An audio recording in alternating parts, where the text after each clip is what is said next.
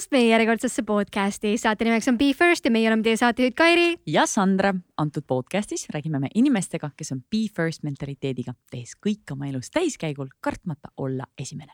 ja podcastis me püüame siis aru saada, kuidas nende kogemusi ja harjumusi oma elus rakendada paremate tulemuste saavutamiseks täna on meil saates külas naine, kes on loominguline geenius, võib vist niimoodi öelda? ja sada protsenti sekundeerin ta on fotograaf, ta on ema. Hobi renoveerija slaš sisekujundaja. Slaš pahteldaja. Sneakerhead. ja, ja, ja, ja siin tuleb väga-väga-väga-väga palju põnevaid teemasid täna jutuks. ehk siis pange käed kokku, tere tulemast saatesse, Keter Kuusmaa Sportland, Be First podcast.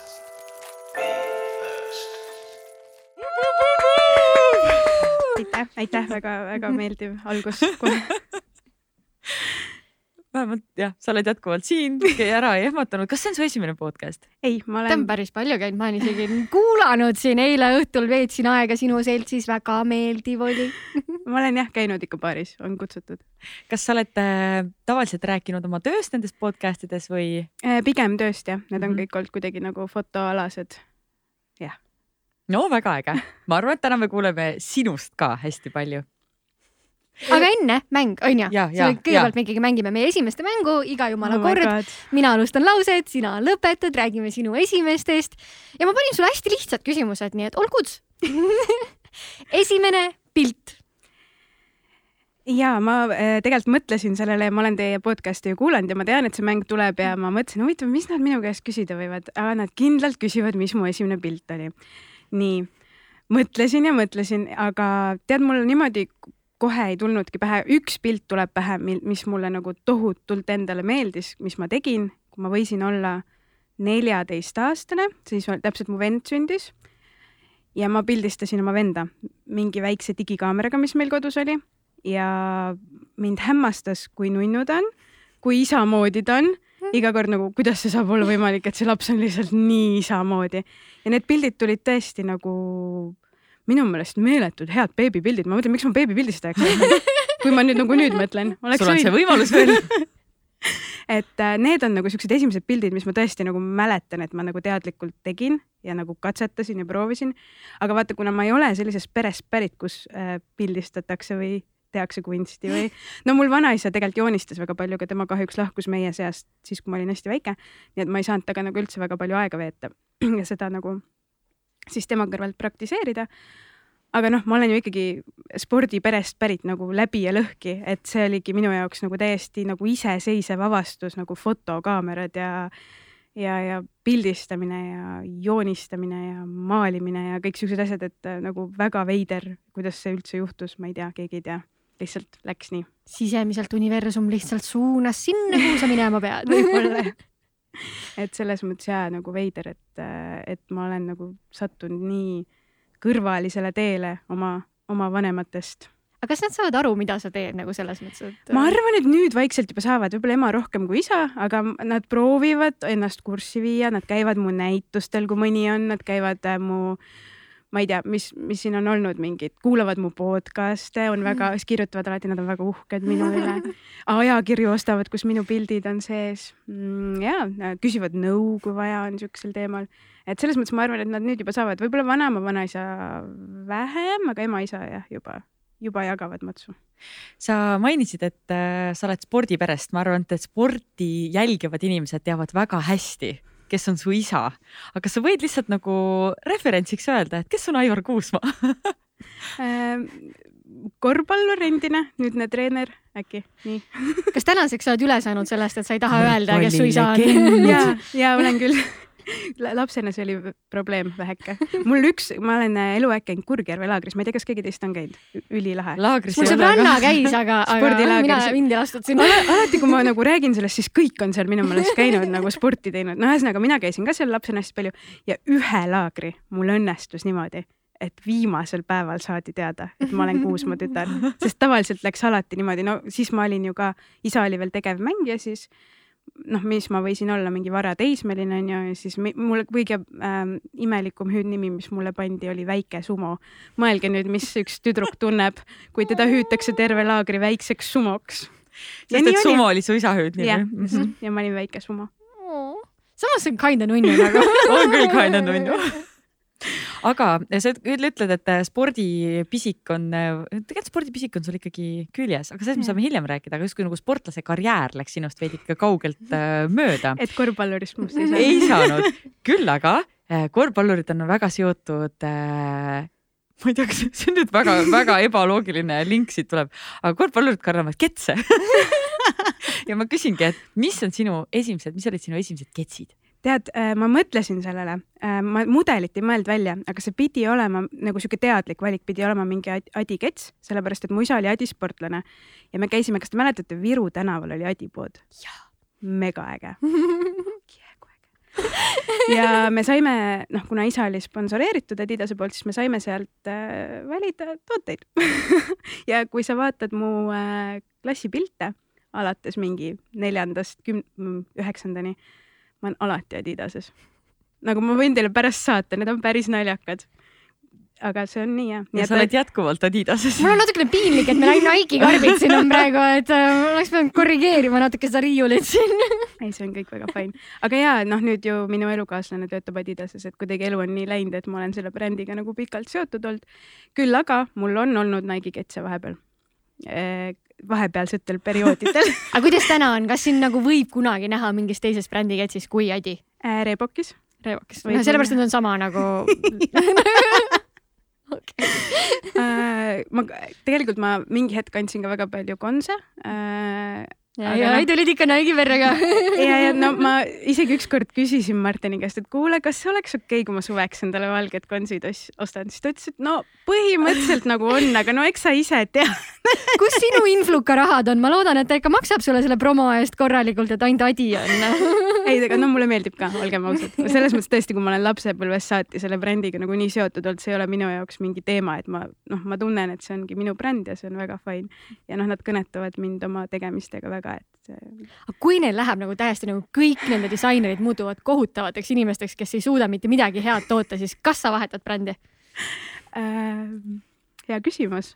okei okay,, ja ma käin siis ainult doktor Martensit et lihtsalt siis sa eirad nagu spordikategooriat kuni see läheb nagu, see läheb nagu mega raskeks, sest ma kannan päriselt ka ainult ketse, no ma arvan, te mõlemad teate nagu ise ka ju ma ei suuda mitte midagi, no okei okay,, veel mingid saapad paned jalga talvel, aga nagu ma ei tea, kui ma peaks mingi kontsa, kui te mind kunagi kontsa kingas näete.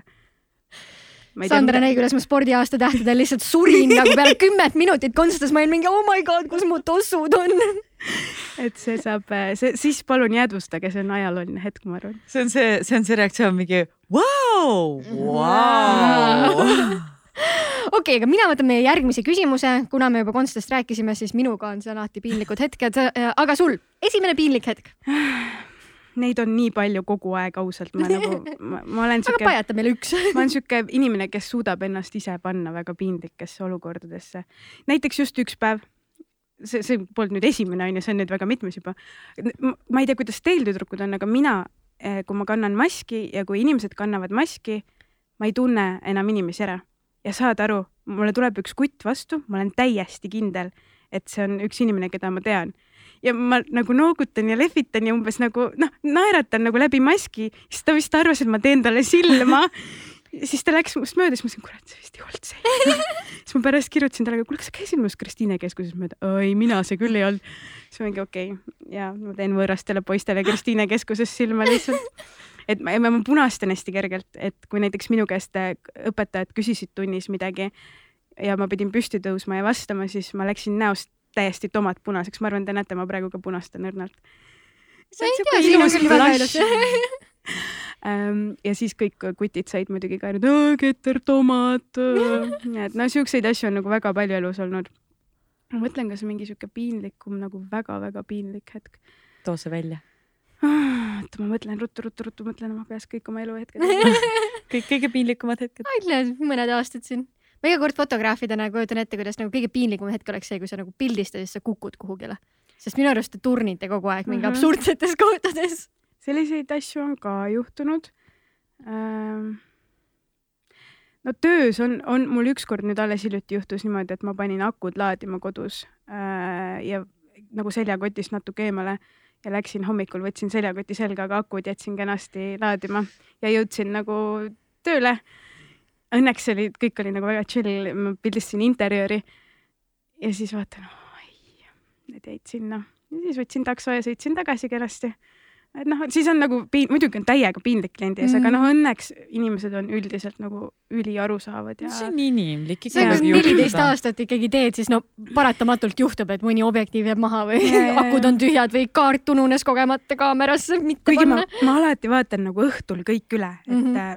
et nagu tööasjad oleks valmis, kui ma kuhugi tean, et ma pean hommikul minema, et ma ei hakkaks hommikul rapsima nende asjadega mm. -hmm. kaardid tühjaks ja ongi noh, aga tookord mul jäigi nagu need akud, tavaliselt ma panen nad nagu kuhugi lähemale, et ma näen neid aga nad jäid mul nagu sinna akna alla ja kuidagi ikka läks nii, et võtsid selle seljakoti, mis oli juba valmis pakitud ja oma peas mõtlesid, et noh, see on ju valmis pakitud. ja noh, nii ta läks, eks. aga lapsepõlvest veel, no ma räägin, et võib-olla see spordilaagrites see väike sumo ja no siuksed asjad, noh, okei see ei ole võib-olla piinlik, aga see on nagu sihuke võiks nagu olemata võib-olla mm. olla väiksel tüdrukul või, ma ei tea, tegelikult võib-olla nüüd, nüüd ma, ma naeran selle üle, aga siis võib-olla oli nagu rohkem sihuke, et miks, miks mina why me? kas ja kui palju üldse tuli ette nagu kiusamist selle pärast, kes su isa on nagu ähm,? ma arvan, et äh, ma, kuna ma olen hästi õrna hingega ja ma olen sihuke tegelikult nagu suhteliselt ähm,, kuidas siis öelda õrna hingega, ma arvan, ongi hea öelda, et ma nutan hästi kergesti ja ja nagu nüüd küll võib-olla vähem kui lapsena ja teismelisena, aga jah, nagu kui, kui ma mõtlen sellele, siis ikka tuli küll nagu selles mõttes, et nagu mingeid siukseid kommentaare, mida võib-olla nagu lapsed nagu teadmatusest või õelusest lihtsalt nagu teevad, et võib-olla nad ei mõtlegi midagi paha, aga, aga see nagu tuleb neil kuskilt. Mm.. ma ei tea, kust, et või siis nagu mingist siuksest, võib-olla isegi noh, ma ei taha öelda kadedusest, aga mõnes mõttes see võib tulla nagu mingist siuksest nagu kadedusest äkki, et äh, aga jaa, no oli, oli küll. Näiteks oli ka siukseid olukordi, kus ma, ma olen üles kasvanud Nõmmel, no laagris seal. Ja ma olen lihtsalt jalutanud ja näiteks mingi suvaline noortekamp tuleb vastu ja karjub, see on see Kuusma tütar. Pole isegi õrna aimu, kes need inimesed on. Ja noh, see tuleb nagu ma räägin minu ajal kindlasti rohkem, mu vend ja õde võib-olla sellega nii palju kokku puutunud ei ole, aga, aga noh, sellistel hetkedel. aga, aga kas vastupidi just ei olnud? Sellist olukorda, et inimesed tulid ja ütlesid, vau, see on see Kuusma tütar. Sest ma küll, kui ma esimest korda vaatasin, mõtlesin, vau, see on see Kuusma tütar. Võib-olla, ma ei, niimoodi ei mäleta, võib-olla nagu need halvemad hetked jäävad meelde või noh, muidugi ma olen ju meeletult uhke oma isa üle ja see, mis ta saavutanud on, üliäge ju ja kõik ja ma arvan, et äh, Eesti rahvas võiks ju ka olla ma arvan, et, et ongi vähem inimesed, kes äh, spordist ja, just. ja just korvpallist äh, jagavad, siis ma usun, et nemad on väga mm. -hmm. aga me rääkisime nüüd posust ebaõnnestumistest, räägime sinu esimesest õnnestumisest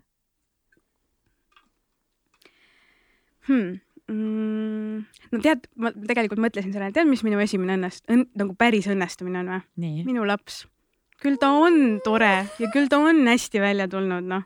tõesti on, te peaks nägema teda. ise tehtud, hästi tehtud. no täpselt et äh, noh, on nii väiksemaid õnnestumisi ka, aga nagu see on üks sihuke asi, mis on tõesti suur õnnestumine arusaadav, mul on iga kord mad respect, kui ma mõtlen, mida naised läbi teevad selle jaoks, et laps sünniks, see on nagu vau wow ja üks wow. üks asi on see, et sünnib, see on nagu kõige algus. et see, mis, mis on juba väga edasi... hardcore. ja, ja. aga mis sa tunned, mis sa oled teinud äh, selleks, et ta kukuks nii hästi välja? ja ka väga palju ebaõnnestunud selle juures mm. -hmm. no ma ei tea, ma arvan, et äh, esiteks ma olen väga hea partneri valinud, et Martin on suurepärane isa, ta on tõesti nagu vau wow.. ja teiseks äh, nagu võtnud asja võib-olla mitte esimesel aastal küll, aga nagu järgnevatel aastatel vabamalt, et ma ei, ma ei, jah, ma, ma ei loe mingi meeletult mingeid kasvatusraamatuid ja ma ei äh,, kuidas siis öelda, ma usaldan oma sisetunnet nagu tema kulgemise juures siis nii-öelda ja kasvamise juures, et et lihtsalt olla talle nagu olemas ja täpselt nagu minu ema mulle on nagu eluaeg olnud ja et mitte piirata teda ja mitte nagu, okei okay,, jah, mingeid hetki peab keelama, noh, see on äh, paratamatu, sa oled vahest ikka see kuri e-, ema, kes äh, ei luba midagi või ei ütleb, et pane nüüd see selga. See on praegu algusaastadel, mõtle, kui ta tiinekas on, kui palju sa siis keelad. Ei tea, kas siis ka ütlen, et mu suurim õnnestumine. Sisenda seda endale lihtsalt, suurim õnnestumine, suurim õnnestumine et äh, ja lihtsalt proovinud sellega nagu kaasa minna niisuguse looduslikul äh, väel. Et mitte üle mõelda siis, sest ma tegelikult seda esimest aastat kindlalt mõtlesin nagu üle, see oli päris raske ikka nagu, minu meelest te Liisaga rääkisite ka sellest, et nagu naised, kui nad jäävad rasedaks, siis kogu energia läheb sellele, et nagu valmistuda selleks sünnituseks. et elaks ma vaid selle sünnituse üle, saaks ma sellega nagu hästi hakkama siis nagu ja siis saad selle sünnitusega nagu hästi hakkama ja siis sa oled selle nagu titega. ja siis, aga mis nüüd keegi ei öelnud, et mis nüüd oh my god, selle jaoks on ka energiat vaja et sel-, sellega oli jah, nagu esimesed kolm kuud oli ikka full on horror. ta ainult nuttis, ma arvan, et ta nuttis nagu sellest ka, et mina olin ebakindel. noh, et see kõik oli nagu nii uus ja ja noh, mõelge nüüd, fun fact, äh, ma kardan öösiti üleval olla. ja ma pidin selle röökiva titega öösiti üleval olema, see oli minu jaoks kõige õudsem asi maailmas. Õnneks ta sai sellest vist aru ja ta hakkas teisel kuul äh, terve öö magama ja karjus ainult päeviti. Aga oli selliseid hetki, kus sa lihtsalt nagu panidki lapse rahulikult voodi peale, ta nuttis, läksid korra kõrvaltuppa, hingasid üks, kaks, kolm, läksid tagasi, sest et noh see muud moodi ei olnud võimalik. et aga nii kui kolm kuud minu lapsel täis kukkus, kõik, mitte ühtegi nutuhoogu enam praktiliselt ei olnud, et see oli sihuke esimene see noh, ei teagi, mis tal oli, et kas gaasivalud või närvisüsteem arenes või noh, lapsed on erinevad. et, et näiteks meil naabripoiss kõrvalt on kuus kuud vanem. tema oli kolm kuud selline, et ta ei teinud piuksu ka nagu täiesti null, lihtsalt magas, naeratas, magas, naeratas siis ma mõtlesin, miks nagu, mis ma olen elus valesti teinud ja siis, aga nüüd on jällegi nagu natuke vastupidi, et minu laps on sihuke kullapai, kõike teeb ettevaatlikult ja siis teine poiss on sihuke mis on ka lahe tegelikult, noh, kõik lapsed on lahedad, lihtsalt nad on omamoodi. no poisid ongi vist rohkem ka siuksed nagu. mürgeldised jah kuulge, aga meil on veel esimeste mängus äh, kaks küsimust mm, -hmm. enne kui me jätkame full on podcast'iga ehk siis esimene võistlus mm,. see võis olla, teate, see oli lauatennises midagi, see oli enne kooli ähm, ma käisin lauatennise trennis, mu ema oli lauatennisist ja lauatennise, mu vanaema oli lauatennise treener. ja see pidi olema enne kooli ja ma ei, kui te küs-, mul on üks lahe pilt ema-isaga sellest võistlusest muide olemas ja full Adidase selle oh. aga kui te küsite, mitmendaks ma jäin, ma ei tea, aga mul on diplom käes, nii et ma mingi koha pidin saama. aga sealt edasi tulid juba kõiksugused koolivõistlused, ma olin absoluutselt vist igas võistkonnas, mis olla sai, jalgpall, korvpall, võrkpall, käsipall, rahvastepall ja kurkavõistlused, ma mäletan, et ma olen ühe võistluse Kurgjärvel minu meelest võitnud, kui ma nüüd ei eksi, see oli mäkkejooks tugevad isa jalad mulle meeldib teha kiireid mäkkesporte ja et äh, siuksed asjad jah. tennises ma käisin ka, ma olen muidu lapsest saati tennist mänginud peale lauatennist siis. käisin ka mingitel võistlustel, aga minu meelest mul seal väga hästi ei läinud ja sellest ka see sihuke nagu võib-olla mitte loobumine, aga, aga mitte siis äh, täielikult edasiminek selle alaga kas see, et sa nii paljusid erinevaid spordialasid proovisid, oli kuidagi sinu enda valik või vanemad olid need, kes suunasid, et näe, proovi seda, seda, seda, seda, seda? Äh, ei, äh, vaata need kooliasjad olid niimoodi, et noh, need olid ju kuidagi nagu seal programmis sees, et tegelikult ma trennides ei käinud mm, -hmm. et ma käisingi ainult lauatennise trennis, tennisetrennis. et äh, ma niimoodi otseselt jalgpalli, jalgpalli ma mängisin kodus sõpradega, poistega hoovis kogu aeg mm -hmm. Nõmmel nagu oi, kus me, isa pidi öösiti karjuma ruttu tuppa, mis sa seal. ja siis mu naabripoiss treenis mind üks terve suvi väravavahiks. terve suve ta praktiliselt pani kaks puud ja siis muudkui lõi mulle ja mina neid sealt püüdsin. mis ta agenda oli? tiimi oli vaja tahtis must väravavahti teha igatahes. see, oh kutid, meil on üks vend on puudu aga mul on, mul on üks naabrite tüdruk Don't worry, ma treenin ta väravas, sest keegi ei taha ju tavaliselt väravas olla, kõik tahavad ründajad olla. Say no more. põhimõtteliselt vaadates minu füüsilisi eeldusi, ma ei saanud aru, miks ta tuli, sellepärast ma olen lühike. Ma ei ole nagu mingi noh, selles mõttes ma olengi pigem nagu sihuke spurtija, et ma oleks nagu hea ründes olnud, ma kujutan ette, mis ma ka olin seal koolivõistkonnas siis. Aga jah, ja see oli naljakas jah, et ma olen siukese hoovisporti ka meeletult teinud nagu lapsepõlves, et äh, kõik ukakad, äh, ma ei tea, mis iganes sa välja mõtled, et need on kõik ära mängitud. see on nii äge ähm, väljend, hoovisport mm, -hmm. me oleme tegelikult varasemalt ka sellest, äh, sellest rääkinud, et kes on kuskil Mustamäel seal teinud mm -hmm. hoovisporti, et kuidagi kohati võib-olla selle peale isegi ei kas mõelda. kas see eksisteerib tänapäeval või? ma ei tea. jah kurb on ju, tegelikult ma niimoodi, kui ma olen just käinud jalutamas seal, kus ma nagu üles kasvasin, et tegelikult ega neid lapsi seal enam niimoodi väga ei näe, nagu, nagu ma arvan, meie ajal oli, et äh.... küll me oleme vanad. aga ma ei tea, samas võib-olla, ma ei oska öelda, äkki ikka, äkki ma ikka tahaks loota, et midagi ikka toimub. Eks anna meile teada siis, kui Carlota sinna vanusesse jõuab, et ta hoovispordiga tegelema hakkab. Aga see oleks äge teada tegelikult, et äh, kasvõi kuulajate käest, et mis olid need hoovispordi hoovispordid hoovispordid mida, mida te tegite, et kui te olete Youtube'is, siis pange meile alla siia kommentaaridena kirja, et mida teie hoovis mängisite, päris äge oleks äh, mhm. teada mm. -hmm. aga meil on viimane küsimus. kes oli sinu esimene klient? esimene klient, no mm, ma hakkasin mõtlema, ma kusjuures mõtlesin, ma prooviks otsida selle esimese arve üles, mis ma oma ettevõtte alt kirjutanud olen. aga kuna ma kunagi tegin neid äh, käsitsi ja need on kuskil vanade-vanade ketaste peal, siis mul polnud selleks aega.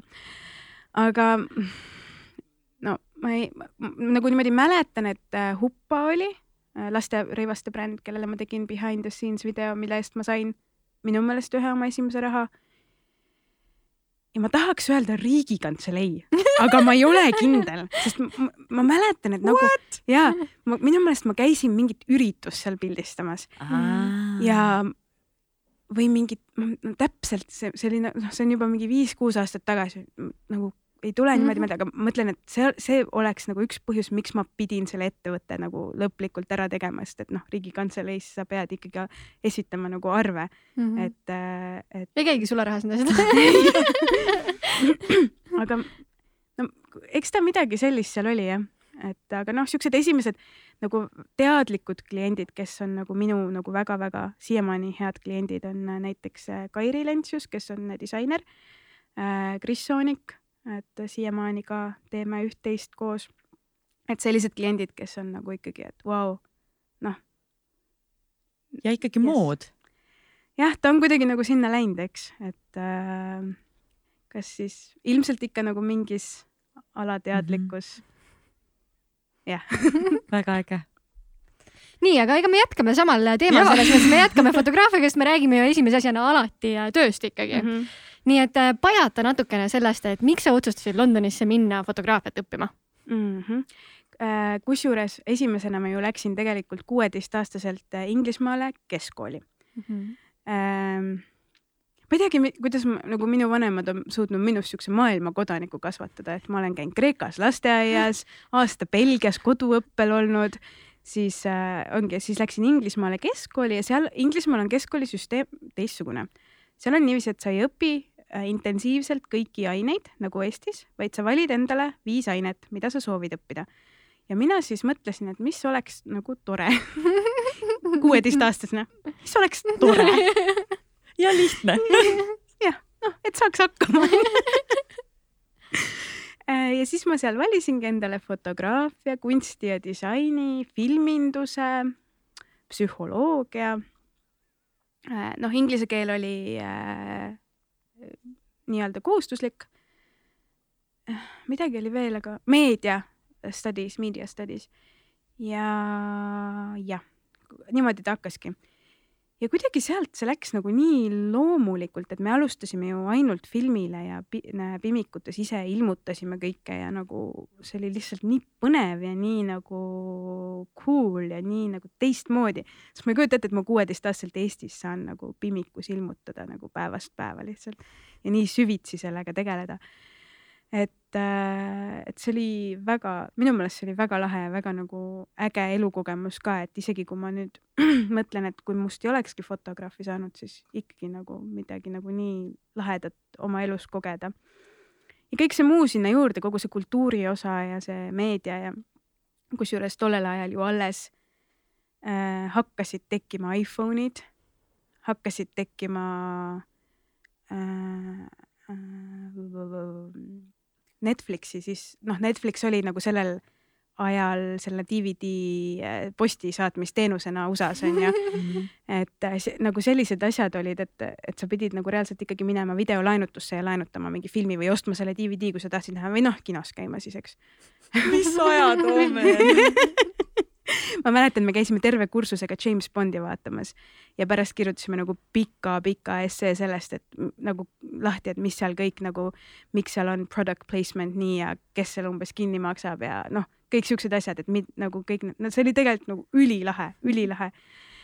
Ja see oli huvitav ja see nagu ja mul ei olnud nagu kordagi keskkoolis sihukest tunnet, et ma ei taha õppida või ma, miks ma seda teen ja nagu mm, -mm, nagu kõik oli põnev, kõik oli nagu, ma tahangi seda teada. miks ma rohkem sellest ei tea, et, et selles mõttes hästi äge.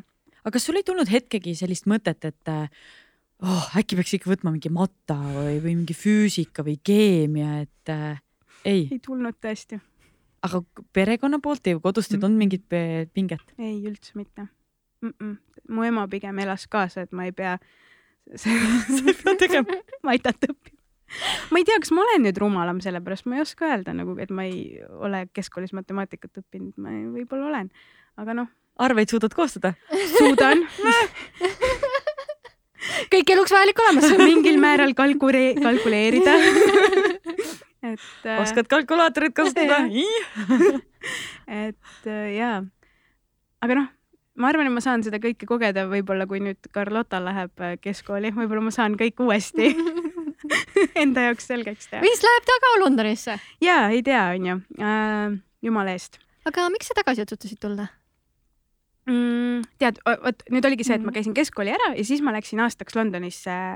Inglismaal on niimoodi, et kui sa tahad äh, õppida kunst, ükskõik mis kunstiala ülikoolis, sa pead tegema enne foundation course'i, mis siis on samamoodi, et sa õpid põhimõtteliselt kõiki aineid äh, enne läbi fotograafiat, moedisaini, arhitektuuri, skulptuuri, printmaking. Ja siis äh, kuidagi läks nii, et ma läksin Londonisse seda ülikooli õppima ja ma äh,, siis ma võisin olla kaheksateist, üheksateist.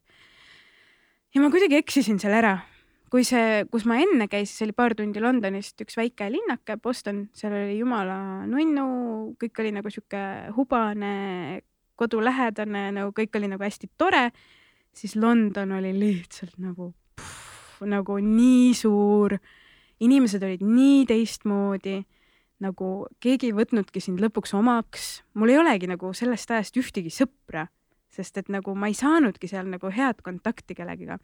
ja kuidagi tuli sihuke hull koduigatsus, nagu ikka meeletu, kui esimesed kaks aastat seda üldse ei olnud, siis kolmandal aastal oli ikka nii, et ma ei, ei, that's it, nagu ma ei suuda enam. ja siis ma tulingi tagasi, tegin selle kursuse küll ära, ilusti lõpetasin, pidasin nii kaua vastu. ja siis äh, tegin Tartusse kõrgemasse kunstikooli, mis nüüd on Pallas äh,, Tartu Pallase. ma arvan, et me kõik teame, millist kooli sa mõtled. Ja sain sisse äh, fotoosakonda nagu endale ka üllatuseks, sest seal oli meeletu konkurents, seal oli mingi niimoodi, mingi sada inimest tahtis. Ja lõpuks nad vist kaheksateist võtsid või midagi sellist. ja läks jah, kuidagi nii, et sain sisse ah,. Fun fact äh,, Tartu Kõrgem Kunstikool on rakendusülikool äh,, ta ei olegi nagu, sa ei saa, sa saad rakenduskõrghariduse. ja mina naiivse inimesena, nagu ma olen, ei teadnud seda ja siis alustasin esimesel äh, septembril kooliaastat, siis vaatan, saime selle kava, on ju, õppekava, vaatan neli aastat. kolm ei peakski olema hea Heldo, hea Heldo, väga hea Heldo ja siis okei okay,, no siis neli aastat, no mis siis ikka, käisin need neli aastat ilusti ära, lõpetasin ära ja suht raske oli, tegelikult oli väga raske. ma ei tea, ma olen kuulnud päris paljudel on ülikoolis ikkagi nagu kuidagi nagu esiteks, kas see aine või ala on õige, mis sa õpid, eks. Need inimesed, kuigi mul olid, mul oli väga tore kursus, ma siiamaani suhtlen oma kahe väga hea kursusajaga. Me kolmekesi pingutasimegi selle lõpu ära nagu sellest kuueteistkümnest või kes sinna sisse said. meie lõpetasime ja noh, oligi see esimene armumine oli siis on ju, esimesel kursusel kohe nagu väga raskelt ära armuda. ülikooli ajal on väga keeruline, eriti kui nagu äh, Martin oli Tallinnas ja mina Tartus ja siis kuidagi neid asju nagu lapitada. aga jah, ära tegin üle kivide ja kändudega, lõpuks isegi päris hästi lõpetasin, et äh, et ja ma olen selle üle uhke. tead, ma tahan sulle enne öelda, ma, ma vist ei ole sulle seda kunagi öelnud, aga ma mäletan, kui sa läksid äh, ülikooli Inglismaale ja kui ma ei eksi, siis äh, su isa oli sellel ajal juba äh, TTÜ äh, peatreener või ta siis oli kuidagi sellega seotud mm -hmm. või ta, kas ta mängis veel midagi ta oli ja ma mäletan, ma küsisin, et kuidas sul tütrel läheb ja siis ta ütles, ta ütles täiesti nagu kivinäoga, aga samas ma nägin sealt sellist nagu väikest nagu õnnekiirt, et noh, talle vist väga seal ei meeldi. Ja siis ta oli lihtsalt, ma nagu nägin, et tal oli täpselt selline nägu, et ta vist tuleb tagasi. Ta vist tuleb tagasi, ma saan oma lapse varsti tagasi. Ah,. väga armas, ma ei teadnudki, et isa niimoodi võis igatseda aga ma mõtlen, et kas, kui sa tagasi tulid, ma korra lihtsalt astun selle juurde veel tagasi, et kas, kas su vanemad püüdsid sind kuidagi ümber rääkida või see oli pigem see, et see on sinu otsus ja tule. ja, ja ei, kõik kogu aeg oli, et äh, nagu väga toetavad on nad selle kõige juures olnud, et äh,. kas see on pigem olnud lihtne või pigem äh, on see, ootasid sa midagi muud äh, nende poolt? ei, ma arvan, meil on kõik väga orgaaniliselt läinud, et äh, eks võib-olla oli nagu mingeid hetki, et kas ma nüüd vedasin alt, et ma ei pidanud seal kauem vastu või kas ma oleks pidanud seal kauem vastu pidama, et kas ma oleks seal suutnud mingit suuremat karjääri teha või noh, eks ikka tekib ju siukseid hetki ja kõhklusi ja, aga samas noh, isaga olen sellest hiljem rääkinud ka, et tegelikult see elukogemus ja kõik see, mis sa sealt nagu üksi olles saad, mul ju vend läks ju kolmeteistaastaselt Itaaliasse. et, äh, et nagu nad on alati selle poolt olnud, et, et äh, nagu iseseisvalt äh, hakkama saada, aga alati ka toetades nagu kuidas siis vaja on ju. et et ja ei, väga on vedanud sellega e,, siis vanematega sellega sa toimetad praegu ka väga iseseisvalt, et sa oled siis äh, vabakutseline tegelikult onju, et sa teed oma ettevõtte alt kõiki mm -hmm. asju. kas sulle meeldib pigem olla nagu iseenda boss? Mm -hmm. see on väga raske, mul on väga tihti endaga koosolekuid, kus ma olen enda peale väga kuri, et jälle on jah, aga no jaa, selles mõttes on see ikkagi ideaalne, eriti väikse lapse kõrvalt, et ma saan olla nagu oma aja peremees, ma saan otsustada, kas ma teen midagi, kas ma ei tee midagi. Äh, kas mul on vaja olla sellel hetkel hoopis lapsega kodus või et mul on nagu selles mõttes jah, on nagu, on see kergem. Teisalt äh, nagu iga jaanuar, me oleme ka siin jaanuari lõpus, jaanuarid on väga rasked kuud, väga vaiksed ähm, ja see on juba niimoodi ne neljas-viies aasta, nüüd ma enam paanikasse ei sattunud, et tavaliselt ma olen ikka kergelt paanikas jaanuaris olnud, et kas nüüd ongi kõik, et kas nüüd ei tulegi enam tööd ja nüüd on nagu niimoodi, et äh, peab minema mingile päevatööle. -hmm. et aga noh. aga mis mis, millest see tuleneb siis, et kõik võtavad hoogu uueks aastaks, panevad plaane paika alles, et ei ja, ole veel kõik, nagu? Äh, kõik vist alles ärkavad sellest äh, pikast pausist ja rahulikult nagu tulevad välja sellest nagu jõulu mm, -hmm. jõulu ja aastavahetuse teemast, et kuidagi on jah niimoodi, nüüd nagu see nädal on nagu esimene pikk, nagu sihuke intensiivsem töönädal, et nagu need esimesed kolm olid siuksed kulgemised. No sul on väga ägedaid äh, brände ja koostööpartnereid oma portfellis, et kellega sa kõigiga oled äh, koostööd teinud? nagu näiteks Portland Just saying kas, äh, kas sul on mõned sellised tööd, mille sa tahaksid välja tuua ja mitte ja ma ei küsi, et mis on olnud su lemmikud mm, -hmm. aga võib-olla midagi, mis sa tunned, et vau wow,, et selle võiks nagu välja tuua, et see oli midagi eriti innovaatilist või et see oli midagi sellist, kus sa tegid midagi sellist, kus sa polnud kunagi polnud sellist asja teinud, et mm. -hmm ma arvan, et äh, lahe oli see, et ma alustasin tegelikult nagu Laura Nestori, kes on fotograaf no,, tema kõrvalt äh, kuidagi sain temaga hea kontakti ja ta hakkas mind kaasa kutsuma, tegin neid, kõigepealt neid behind the scenes videosid, sest et tollel ajal neid nagu väga palju ei tehtud mingi hetk nagu siis kuidagi hakkasin neid tegema, siis hakkasin ja siis oligi see, et tema töötas ka nagu väga moealal, siis kuidagi hakkasin tegema neid moevideosi. et need on nagu siuksed, mille üle ma tegelikult olen nagu väga uhke, need mulle väga meeldivad ja ma näiteks teen seda moekunsti kinoprojekti koos Helen Saluveeriga, kus ma nagu juba kolm aastat olen äh, näidanud oma väikseid minifilme kinos. et äh, need on sellised nagu südamelähedased ja väga nagu siuksed minu teemad. Aga noh, muidugi on, on mingid kindlad äh, fotod, mis on mulle nagu väga olulised või väga minu meelest hästi, hästi tehtud. No.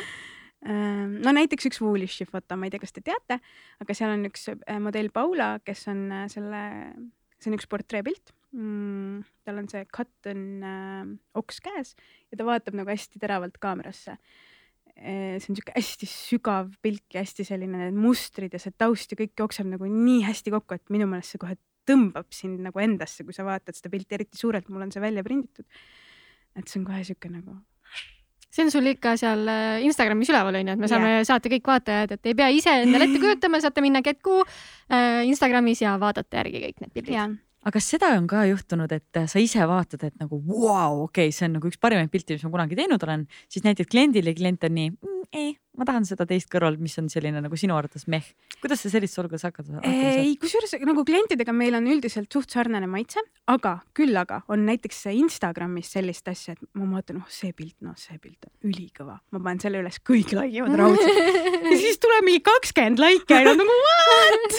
ma, ma vist ei jaga seda insta maailma selles mõttes nagu eriti üldse, et nagu milles, ma kunagi olen Kairiga rääkinud ka sellest, et mis värk on, et kui ma panen mingeid oma pilte või perepilte, siis kõik on mingi like, like, like, like, like, aga kui ma panen oma minu meelest nagu ülikõvasid töid, onju, siis on kõigil nagu ei noh, muidugi kliendid nagu need, kes teavad ja vaatavad, nendel on see muidugi oluline ja nad nagu tunnevad mind just minu käekirja ja nagu selle alt, aga mulle tundub, et Instagram kui selline töötab nagu mingil hoopis muul tasemel kui minu noh, minu võib-olla see portfoolio siis või, aga samas ta on ikkagi nagu hea portfoolio koht, et kui mul on nagu mm -hmm. vaja näidata kliendile, mul on koduleht ja siis äh, Instagram on nagu kaks esimest asja, mis tegelikult lähevad nagu äh,, mis annavad ülevaate siis mm, -hmm. mida ma teen kuidas sul on üldse õnnestunud nagu nii ägedad brändid endale klientideks saada, et see on tegelikult ju väga paljudel ongi, kuidas see jalg sinna ukse vahele siis nagu käib? ma ei, see jah, hea küsimus. ma arvan, et äh, natuke on siin juhust, natuke on siin õnne. et äh, aga noh, peab olema ka no, no ma tahan, tahaks loota, et on ka mingit head tööd ja head silma, et mis nagu siis miks inimesed või miks kliendid tellivad minu töid või mind no raudselt ei võtaks, kui sa nagu halvad pildid toodad, siis väga ei võta uuesti aga vaata, üks asi on äh, see hea silm ja teine asi on see, milline fotograaf on inimesena mm. -hmm. kui sa peaksid kirjeldama mõnda head fotograafi, siis mis on need isikuomadused, mis tal olema peaksid äh,? fotograaf peaks olema hea suhtleja, mida mina kindlasti olen aastate jooksul juurde õppinud äh,. juurde õppinud? No või arendanud endas siis, ma olen tegelikult, ma ei ole nagu liiga hea suhtleja, ma arvan, ma olen äh, üpriski kinnine inimene, ma olen üpriski selline, eriti veel, kui sa võtad Ketteri viis-kuus aastat tagasi võrreldes see Ketter, kes teil siin praegu istub. Äh, te ei oleks must piiksugi välja saanud, ma arvan et ma olen sihuke jah, nagu ja no, ma arvan, et niisugune hea inimese tunnetus peab ka olema, et sa pead tunnetama need modellid või inimesed, kes sul kaamera ees on, mis nagu, mis vibe'i nemad äh, nagu vajavad, et kas nad vajavad äh, sellist rõõmsameelset head suhtlejat või nad vajavad kedagi konkreetset, kes neile mm -hmm. ütleb, et nüüd on nii ja nii ja nii. et sellist asja peab nagu hästi tunnetama, et kes sul seal kaamera ees nagu on ka, et mis, mis hoiaku sa ise tema suhtes võtad. et kui sa töötad professionaalsete modellidega, siis on see nagu lihtsam, nemad on, nad on profid mm, -hmm. nad oskavad poose võtta, tunnetavad valgust äh,, saavad aru äh,, kui sa ütled neile midagi äh,. siinkohal on ka teisi variante äh, või noh, on ka nõrgemaid modelle siis, aga noh, see on juba, sellesse me ei hakka laskuma täna. aga nagu selles mõttes ja, et nagu nendega on kindlasti vaja olla konkreetsem, kiirem, tšop-tšop-tšop. aga näiteks, kui sa töötad eraklientidega Äh, kes tulevad näiteks tahavad iseendast portreesessiooni või äh, et siis on nagu jah, hästi oluline tunnetada, et millist nagu fot- või mi milline see suhtlus peaks olema, et üldiselt äh, õnneks ma näen sihuke suht leebe välja ka, et ma nagu ma ei ole sihuke väga karmi olekuga, et selles mõttes, et ma tunnen, et inimesed tavaliselt usaldavad mind nagu juba mu sellise oleku põhjal. et äh, ja, et siukseid asju peab nagu arvestama ja nendega peab nagu mängima ja ongi, et täpselt, et ma olen natuke seda enda puhul nagu parandanud või et ma pean olema nagu julgem tihti äh,. julgem suhtleja, julgem küsija, julgem arvaja. et kui ma alguses olin sihuke vaikne ja jah, see on väga tore ja ilus, noh siis seal nii, nii ei saa, nii noh, see, see ei mm, -hmm. ei lähe. et peab jah, nagu härjal sarvist haarama. Aga jah, see on olnud protsess, see on olnud nagu õppimine, see on äh, olnud äh, tagasiside saamine ja, ja see jätkub, õppeprotsess, ma arvan, see jätkub mm -hmm. veel pikka-pikka aega. ma ei tea, millal keegi üldse inimesena valmis saab. Loodetavasti mitte kunagi. Oota, aga kuidas sa sellega toime tuled, sa teed väga palju kommertsfotograafiat ja seal on, noh, ikka tuleb ette seda, et äh, kunsti või oma nägemust tuleb teinekord alla suruda mm -hmm. selle jaoks, et saavutada seda, mis siis kliendil vaja on, et kuidas sa selle protsessiga toime tuled mm? -hmm mm. -hmm. jah ja ma just täna arutasin ühe inimesega seda, et nii tore on töötada väikeste independent brändidega, kellega sa saad nagu rahulikult äh, koostöös disaineri või siis brändijuhiga nagu teha seda täpselt seda, mis on nagu oma looming et see on nagu nii mõnus ja see on nagu uh, jess, see on nagu täpselt see, et siis tulebki need wow, pildid onju mm. -hmm. aga ja no äh, eks ikka see on suhtlus, see on puhas suhtlus, nagu ma olen tihti, ma olen märganud seda, et kui midagi läheb valesti ja seda juhtub äh, klientidega, ärge arvake, et juhtub, juhtub ja ikka oma, omajagu, siis äh, suhtlus on üks asi, mille taha ma olen märganud, et asjad jäävad äh,. kui inimesed ei suhtle ja ei äh, räägi asju läbi. kas enne või pärast või ajal? enne. enne, pärast ja siis... ajal ka nagu kõik, aga enne on ikka kõige olulisem nagu aru saada, mida keegi kellestki üldse ootab. et kui see nagu noh, nii raske on niimoodi, et kui sa ei tea, mida sult oodataksegi ja siis sa pead nagu deliver ima, onju. et suhtlus, suhtlus, suhtlus ja tagasiside ma olen aru saanud, kõige olulisem, nagu ma loen Netflixi raamatut, kindlasti kõik on seda juba lugenud, ma olen sihuke, tavaliselt jõuan asjadeni nagu viimasena.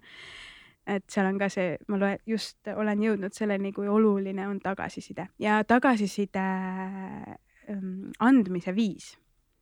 et tagasisidet tuleb anda positiivse noodiga, isegi kui see on negatiivne, et sa ei tekitaks nagu inimeses sihukest tunnet, et ma nüüd pahandan sinuga või et ma nüüd jah, see peab olema nagu konstruktiivne ja seal võib olla sihuke naeratus juures, aga see peab olema ikkagi nagu selles mõttes, et ma olen ülitänulik, kui inimesed annavad mulle tagasisidet ja ma proovin ise ka hästi palju anda tagasisidet ja me proovime Marteniga anda üksteisele nagu noh, kui me midagi teeme ja arutame, et kogu aeg tuleks mingi tagasiside või et sa teaksid nagu, mida teised arvavad või et, et kus sa saaksid parandada oma mingeid sooritusi või et see on ülioluline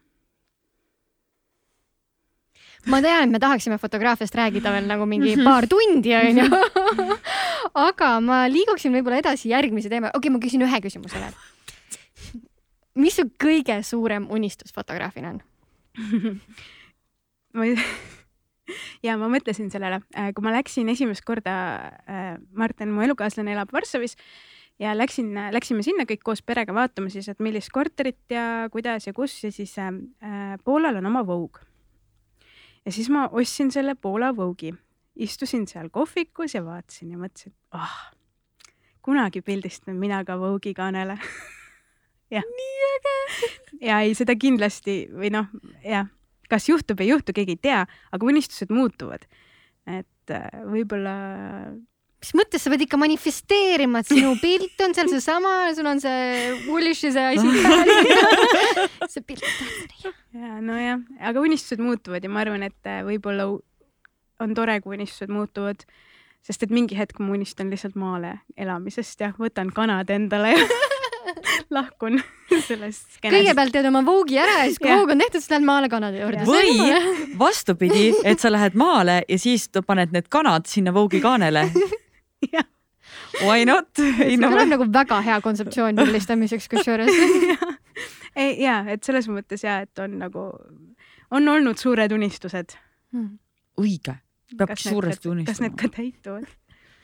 Aga sa töö kõrvalt äh, teed veel päris mitut asja, üks asi, mida mina jälgin, on äh, sinu äh, kodu renoveerimine see, mida ma suure hooga pandeemia ajal alustasin ja nüüd olen nagu ah,. aga mina olen nagu paandunud fänn ikka, iga kord, kui ma näen, et sa jälle pildi üles paned, siis ma olen nii. räägi korra, kust sul siuke mõte tuli ja kust sul üldse seda sisekujundaja geeni on tulnud mm? -hmm. no kust see mõte tuli?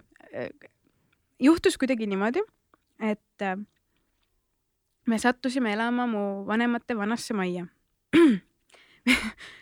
vanasse majja, no jah, okei okay., ma kasvasin üles seal.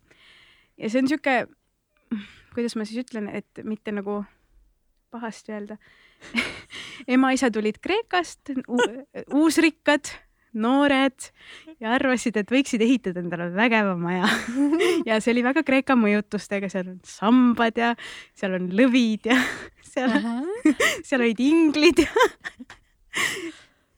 sellel ajal väga kihvt. nii, nüüd on natuke ajad muutunud. Ehm, ja me elasime seal, me oleme seal tegelikult juba nüüd vist tuleb kolmas aasta ja tegelikult ma kogu aeg isaga rääkisin, et äkki peaks nagu ette võtma, et need noh, asjad on siin juba ikkagi nagu nii kulunud ja vanad ja et köök ja kõik, et sa mõtle kakskümmend viis aastat ikkagi juba vana köök, et, et äkki peaks nagu tegema. siis kogu aeg ja, ja no teeme, teeme, teeme ja siis tuli see koroonapandeemia järsku töötu põhimõtteliselt onju. siis ma mõtlesin, okei okay,, et aga ma hakkan siis pihta lihtsalt ma ei tea, suva, no ma proovin, Youtube on olemas äkki, äkki ma nagu, äkki ma nagu proovin lihtsalt. ja siis võtsin selle ühe toa ja siis hakkasin seda tapeeti sealt eemaldama, siis hakkasin neid seinu pesema, siis rentisin selle ülisuure lihvimismasina, siis panin Marteni seinu lihvima, üleni seda valget mingit betooni täis. siis lihvisime, siis pahteldasime, siis see pahtel hakkas sealt kooruma. siis ma mõtlesin, mida asja nagu. siis pahteldasid uuesti, siis helistasid sõbrannale, miks see pahtel koorub, no mis ma valesti teen ja siis lõpuks said selle pahvli sinna kuidagi seina, siis said neid juba värvima hakata, siis see oli kuidagi nii nagu, nagu protsess ja nii lahe nagu tegelikult nagu ma, ma tegin seda reaalselt vist kaks pool kuud, seda ühte väikest tuba, mida profid teevad ilmselt kahe päevaga. Aga see protsess iseenesest, ma õppisin sellest nagu nii palju. Ja siis see põrandavahetus seal, see pean küll tunnistama, naabrimees tuli appi, aitas parketti panna.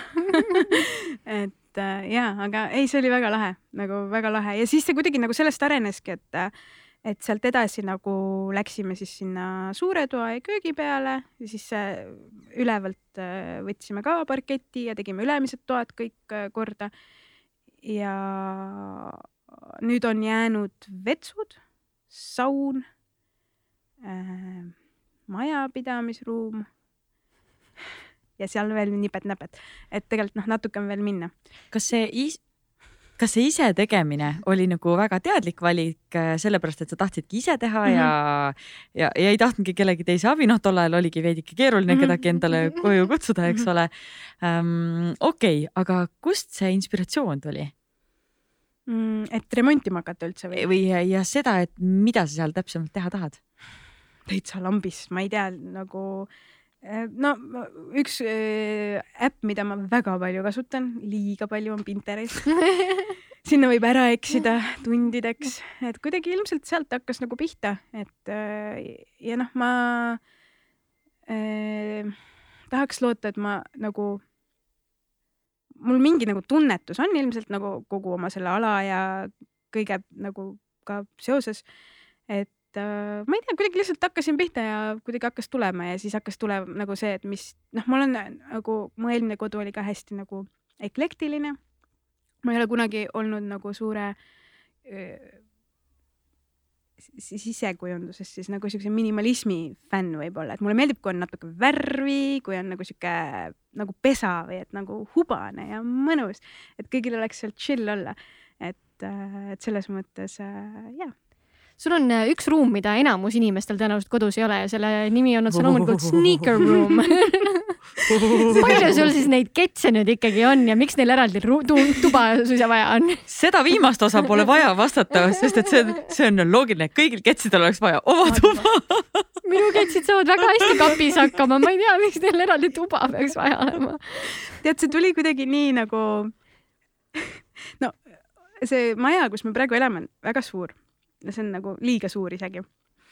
ja siis polnud midagi teha ja põhimõtteliselt mõtlesin, mis ma siis, Martin ka töötas tollel ajal nagu kodus onju, mis ma siis teen, no aga miks mitte. ma vist nägin ka Pinterestis äkki mingeid pilte kuskil, et nii lahedalt olid ketsid nagu välja pandud. siis mõtlesin, et aga davai, teeme ära. et nagu why not, no ruumi on jah aga selles mõttes, et see ei ole nagu ainult nagu, et siin on nüüd ainult ketsid, seal on tegelikult nagu kontorilaud ja nagu seal saab tööd teha ja seal saab nagu selles mõttes nagu. seal ketsitoas. jah, seal, seal ketsitoas saab, äh, saab tööd, tööd teha, teha., jah. just, prioriteedid oota, aga palju sul neid ketse on seal siis? ma ei tea, ma ei ole lugenud no suurusjärk. sa vist viiele paarile päris ei teinud nagu eraldi tuba ja sest et tegelikult on niimoodi, et ma panin ega ma ei pannud sinna kõike ju, ma ikka sättisin, ma vaatasin, et see karp sobib siia ja see karp sobib sinna ja need raamatud sobivad siia aga seal on ka Martini ketse päris palju. et äh, ma tõesti, ma ei ole nagu kokku lugenud, kusjuures ma olen päris palju ka ära müünud viimasel ajal mm, -hmm. et mhm. nagu ühel inimesel ei ole nii palju ketse vaja, kui mul vahepeal oli päriselt, nagu see ei ole. no ma ja kuidagi nagu selle kogu selle protsessi käigus, kus me oleme nagu äh, selle nagu nii-öelda teadlikult siis võib-olla tegelenud selle ketsimaailmandusega olen ka arenenud, et ma ei osta endale nüüd igat paari lihtsalt kokku, sest oh, see on nii äge, onju, või see on nii ilus või et, et pigem nagu nüüd juba teha neid valikuid nagu selle põhjal, mida ma tõesti tahan või mis ma tõesti mõtlen, et ma ka kannan ja äh, mis nagu tähendab mulle võib-olla mingis muus mõttes äh, enam kui lihtsalt paar ketsi aga sa oled ikkagi see, kes nagu kannab reaalselt neid ketse, mitte ei ole nii, et kollektsionäär, et ainult seisavad riiuli peal kuskil. ja ei, me kanname meil on äh, ja diil, et me kanname oma ketse. me ei äh, selli ega reselli ega, et äh, ja, ja no selles mõttes ja, et nagu kollektsionäär, nojah, et võib, võiks ju olla ka nii, et ei kanna üldse, aga et nad on lihtsalt nagu sinu kollektsiooni osa, aga nad ongi kollektsiooni osa, aga lihtsalt meil noh, nad on mugavad, nad on ägedad, miks mitte. aga mis siis, kui sa ära rikud nad? ja seda juhtub minuga päris palju ja sellepärast äh, on ka Marten vahest hämmingus, kuidas üks inimene suudab oma ketsid nii läbi kanda ja minu äh, vabandus on alati see, et mu töö on selline, et kui ma nagu töötan, see võib olla mingi tolmune koht, ma aelen nii ja naapidi ja noh, nii nad lähevad mm. -hmm. seda juhtub. aga sul on lisaks sinu äh, põhitööle ka see teine väga oluline töö, mis on siis. ei, see ongi põhitöö nüüd no, no jah, praegu tõesti on, on emaks olemine mm. -hmm. räägi, räägi natuke endast kui emast, kuidas sa näed ennast emana äh ma olen, nagu ma enne ka mainisin, et Martin on nagu hullult hea isa, siis Martin on nagu megakannatlik ja sihuke nagu suudab asjad nagu läbi rääkida ja nagu rahulikult, siis minul võib olla nagu nullist sajani pff, niimoodi nagu päriselt ma võin minna nagu mingi täiesti lambi asja pärast nagu. aga samas ma tahaks loota, et ma olen tegelikult väga mõistev, väga nagu julgustav, väga toetav ja eh, ma, ma, ma pigem tahakski olla nagu, et lõpuks mingi hetk nagu ka väga hea sõbranna oma lapsele, mida noh, on ka mu ema mulle, et see on minu jaoks nagu väga oluline. kas te kuidagi, kui te, kui, kui te alustasite Carlota kasvatamist, kas te kuidagi Martiniga jagasite rollid ära või, või kuidas see alguse protsess teil käis E, äh, äh. meil oli üldse niimoodi, et äh, kui Loti sündis, Carlota siis, me kutsume teda Lotiks mm,, kui Loti sündis, siis äh, Martin töötas juba Adidases ja neil oli nagu selline asi, et nad pidid iga kevad ja sügis käima ühesõnaga kuskil vaatamas uusi tooteid ja värke ja siis ta pidi minema oktoobri lõpus ja Carlota sündis viisteist oktoober.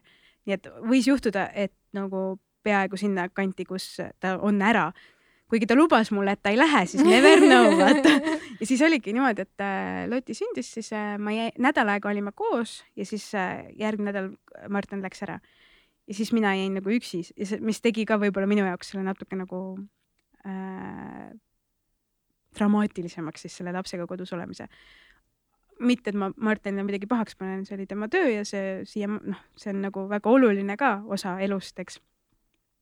Aga lihtsalt ma tunnen küll, et ma võib-olla sellel esimesel aastal olin natukene rohkem üksi, aga nüüd jällegi noh, täpselt nagu ma ütlen, et see kuidagi nagu nii, nii mingi hetk nagu tasakaalustunud, et, et nagu tema roll sai nagu tähtsamaks võib-olla natuke hiljem kui seal esimesel aastal. Ja nüüd see ongi nagu nii-nii tähtis lapse jaoks et ja, ja nagu nii nagu oluline ja nii nagu lähedane on nende suhe, et, äh, et, et noh. ja see on väga okei okay,, see on väga fine, et aga noh, lihtsalt jah, esimene aasta oli natuke rohkem mul kanda ja sealt edasi juba läks nagu kuidagi nagu tasakaalukamaks. aga kuidas teil praegu on, arvestades, et Martin peab ju Poolas olema mm? -hmm. no jah, raske natuke ausalt öeldes, et äh, üksi siin praegu toimetan ja tegelen, et saaks laps lasteaiast lasteaeda, trenni, kuigi praegu on kahjuks trennid Zoomis, mis on minu meelest väga kurb mm. -hmm. et äh, seda on nagu ma tunnen tal väga-väga puudu, seda trennis käimise rõõmu, et see on ikkagi rõõm, see on lapsele nagu viieaastasele lapsele, ta läks kolmeaastaselt tantsima ja akrobaatikasse ja see on nagu nii suur rõõm elu nagu osa elust tal praegu ja see, et see on nagu läbi Zoomi, see ei, see ei, see ei ole võrreldavgi, sorry, nagu see on väga raske, see on treeneritele raske, see on lastele raske, see on äh, vanematele raske. See on kõigile nagu väga raske. ja, ja siis on nagu see teine emotsionaalne pool, et äh, nagu lapsel on raske, sest et laps igatseb oma isa ja siis tegelikult on ju, ma ei kujuta ette, kui raske veel Martinil on, kes on nagu üksi seal, et noh, me saame veel koos olla, aga tema on nagu täitsa üksi aga no raskused ongi selleks, et neid ületada et äh, jah, meil lihtsalt sattus see nagu tegelikult nagu nii tore ju, et sul on võimalus töötada välismaal ja ja kogeda jälle nagu mingeid uusi asju ja mina, kes ma olen ju mitmeid kordi välismaal käinud nii oma perega kui üksi. ma olin kohe nagu, kui see pakkumine tuli, ma ütlesin jaa, davai, teeme ära, pole mingit küsimustki. lihtsalt see langes meil nii tobedale ajale, et see koroona, koroonapandeemia on selle liikumise lihtsalt nagu nii mm -hmm. ära kattinud, et see nagu nii, nii raske on, et äh, aga noh, läheb paremaks, ma arvan. aga kuidas sa päriselt sellega hakkama saad, et sa ütled, et äh, tuleb hakkama saada ja saab hakkama küll, aga kas on sul mingid nipid või, või räägid sa endaga kuidagi, et, äh, et sisendad endale, et, äh, et jah, ma näiteks teen täna seda sellepärast, et mul oleks kergem või et ma saaksin sellest kiiremini üle mm,? Ja ma olen küll hakanud rohkem nagu äh, näiteks teadlikumalt äh, mingeid toiduasju lahendama, ma nüüd äh, ostan nädala jagu tooteid ära, ma panen päevakava paika, mis, mida ma, millal ma mida süüa teen, mõnikord teen õhtul valmis juba, et oleks lihtsam, et kui me tuleme koju, siis söök on mm -hmm. valmis, et ma lihtsalt ma füüsiliselt ja vaimselt ei jaksa õhtul kokkama hakata, kui mul on pikk päev olnud ja lapsel on pikk päev olnud ja nagu et selles mõttes ja, et nagu mingid, mingid siuksed väiksed asjad on jah, mis on nagu paika loksunud sellega seoses. et, äh, et, et oled nagu üksi, aga no mul on äh, selles mõttes suur abi emast, äh, Martini emast, et kui midagi ikka on, mul on nagu selles mõttes ma ei ole nagu ikka täiesti full on üksi, mul on ikka mingi tugi olemas. et kes nagu aitavad vajadusel hoida, kui ei saa lasteaeda minna või, või mis iganes, et aga jah, ega ta väga kerge ei ole, õnneks laps on juba nii suur ka, et ta on, ta on mul viiene, et ta ei ole enam nagu nii beebi-beebi, et ta on nüüd ikkagi nagu suur inimene ja mõtleb kaasa ja et, et ja, aga ei noh, jah, saab hakkama. Kui me juba sellel teemal oleme, siis ma tegelikult liiguksin ka ja räägiksin natukene vaimsest tervisest üldiselt, puhtalt sellepärast, et mainisid ka siin, et põhimõtteliselt kui pandeemia tuli, siis sama hästi kui kohale töötu onju et see... kuidas, kuidas sina selle stressi ja pingega nagu toime tulid sellisel perioodil, et ka, kuidas sa oma vaimset tervist hoidsid? see oli päris õudne ja see oli ikka nagu see, see lihtsalt mitte see nagu olukord iseenesest lõppkokkuvõttes ei kujunenudki nii õudsaks, aga see hetk, kui sa nagu, kui see eriolukord välja kuulutati, mul oli vist viis tööd kirjas. väikeettevõtjana viis tööd on suur asi, see on noh, ja kui see kõik jääb ära, siis see on nagu suur-suur põnts ja ja kõik see nagu teadmatus ka tollel hetkel, et mis siis, kas päriselt ongi nüüd nii, et me istumegi kaks kuud kodus, et mismoodi ma arveid maksan, mismoodi nagu, mis, mismoodi, mismoodi see välja näeb. ja siis äh,, aga see noh, esimesed päevad oligi sihuke siis millegipärast tollel ajal täpselt nagu juba korra mõtlesime, et ostaks nagu ise ikkagi ka korteri. et äh, laseme isal selle maja maha müüa ja, ja soetame ikka oma kodu ja äh, soovisime pangast äh, laenu saada. ja alguses äh, mina oma ettevõtte alt maksan endale palka ja isegi nagu terve selle eelmise aasta arv, noh, maksin enda meelest nagu täitsa kenasti ja normaalselt ja täitsa nagu tublisti ja nii, kuidas jaksasin küll, aga, aga nagu päris äh, sihukest normaalset palka ja siis pangast äh, esimese vastuse saime nagu positiivse ja siis läks vist paar päeva mööda ja see haldur helistas kõigepealt Martenile ja ütles, et teate, et nüüd on nii, et me saame teile laenu anda, aga teie elukaaslasele mitte. sest et on oma väikeettevõtja omanik, ta maksab iseendale palka. ja siis ta läks, Martin ei jõudnud veel alla tullagi mulle seda rääkima, kui ta juba helistas mulle ja rääkis mulle sellesama asja. ja ma, ma, täiesti murdusin, see nagu, see ei ole võimalik, et nagu mis mõttes et ma näen vaeva, ma teen tööd, ma maksan makse, ma maksan endale palka ja te ütlete, et ma ei vää- või et ma, te ei saa mulle kodulaenu anda. sest et äh, ma olen oma ettevõtte ainus töötaja. ja siis ma murdusin, siis ma nutsin vist hommikust nagu õhtuni. ma ei saanudki pidama, no ma lihtsalt nutsin. ma nagu, ma nagu okei okay,, et nüüd ongi nii ja et noh, siis on nii, et ma olen täitsa mõttetu inimene ja ma olen nagu mingi ma pole väärt mitte midagi ja mingi täiesti nagu breakdown. aga siis kuidagi tulid sellest välja siis nagu hakkasid juba naerma vaikselt selles, okei okay,, siis fine onju, et kui nii, siis nii. ja siis ma ütlesin, okei okay,, et suva, siis me ei ostagi seda korterit siis ma hakkan hoopis remonti tegema et noh, tegelikult ju midagi hullu ei juhtunud mm, -hmm. lihtsalt see olukord nagu see, et sul on tööd jäid ära. Noh, mõnes mõttes saad aru, et nad ei anna sulle laenu. Aga see nagu see selles mõttes läks küll nagu mingi nädal mööda ja töid ikkagi tekkis. Mm. -hmm. tuli nagu hoopis mingeid uusi asju.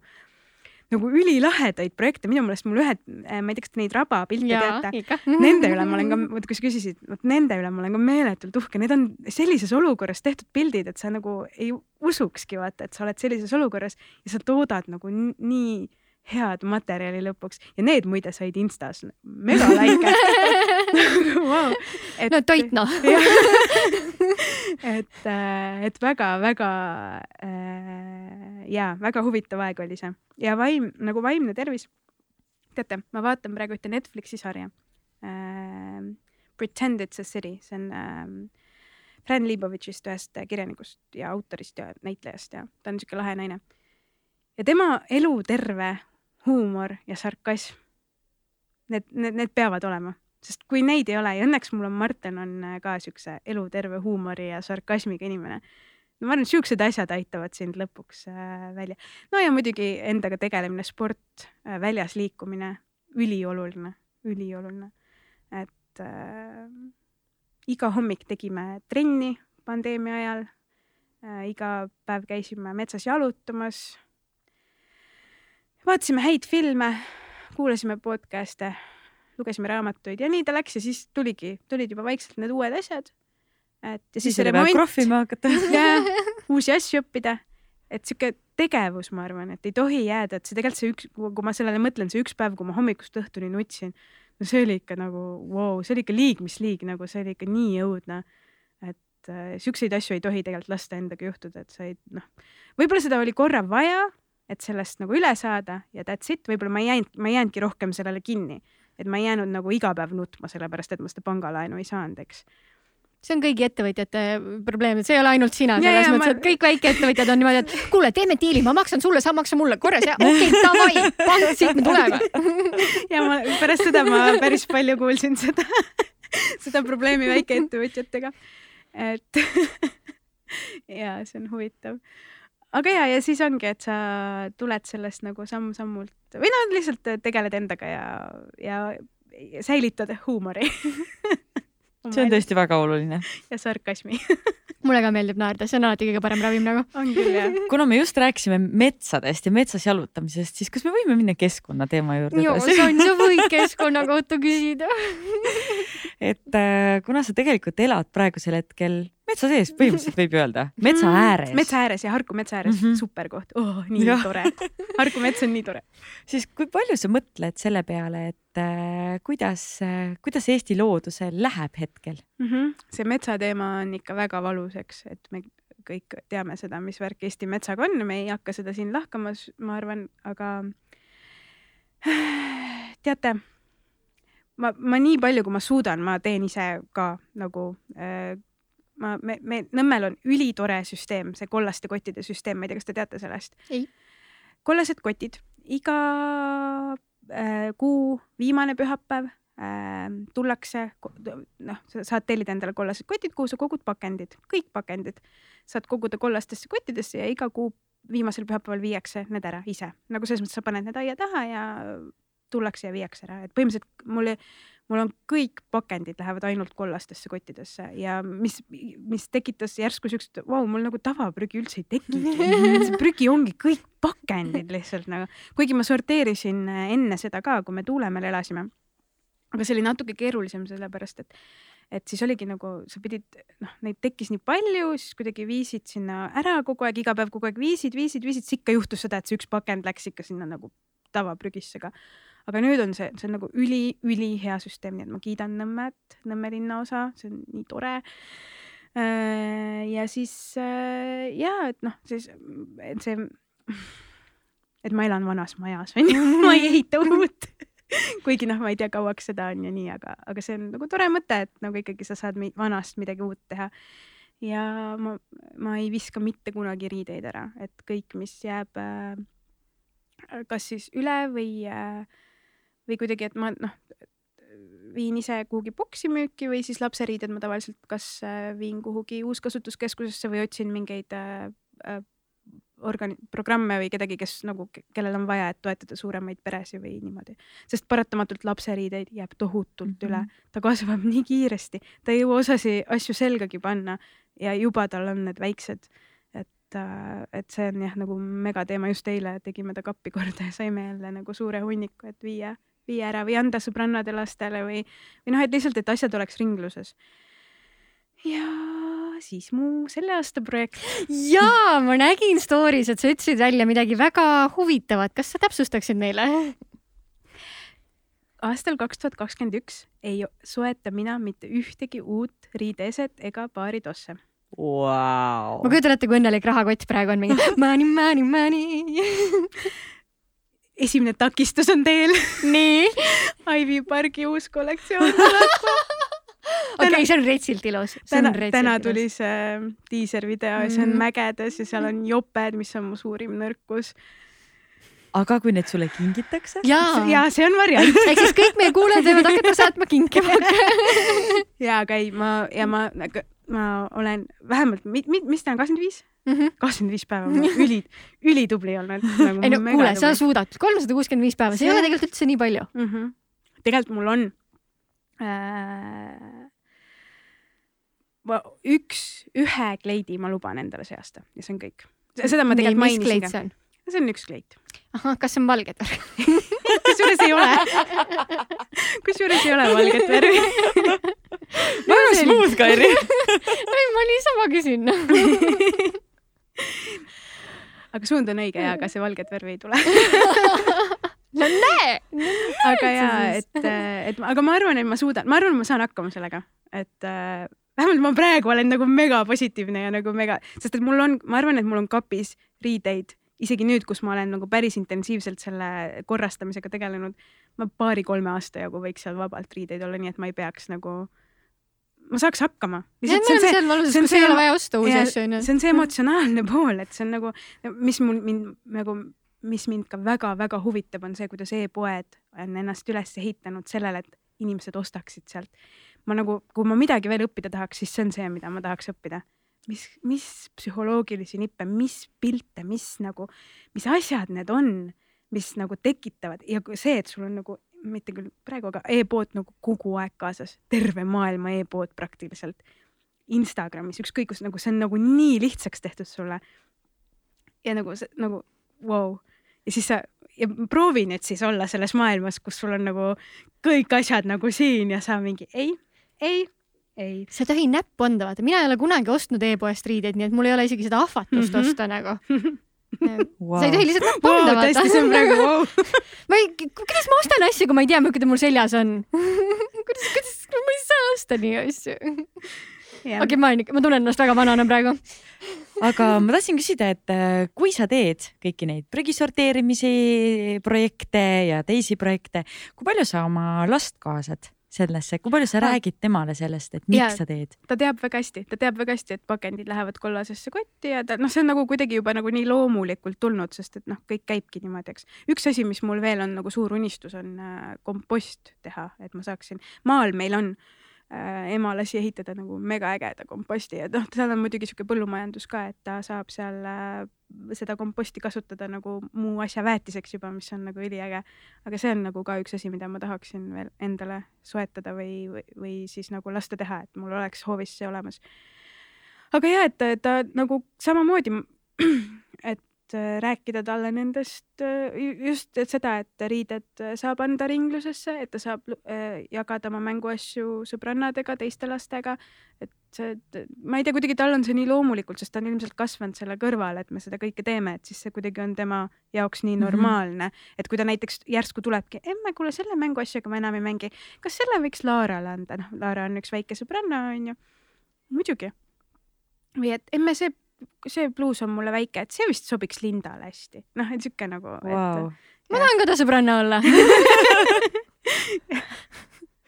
et. ma võiks olla, ei, ma ei, ma tahtsin öelda, et ma võiks olla niimoodi, et kui tal hakkab sinu kapis käima, et emme, mulle tundub, et see ei sobi sulle enam, et see sobiks tädi Sandrale väga hästi. sa ikka ma... saad aru, et sa hakkad siis Adidast kandma. sain aru, et seal on kõik Adid. ma loodan, et Nike'i peakontor kuuleb seda praegu ja on nagu mingi alert läks käima, et Sandra on vaja tagasi pardale saada pean piinlikkusega tunnistama, et äh, käin ikkagi Sportlandis ringi ja vaatan seda Stella, Stella Stanget ja mõtlen no,.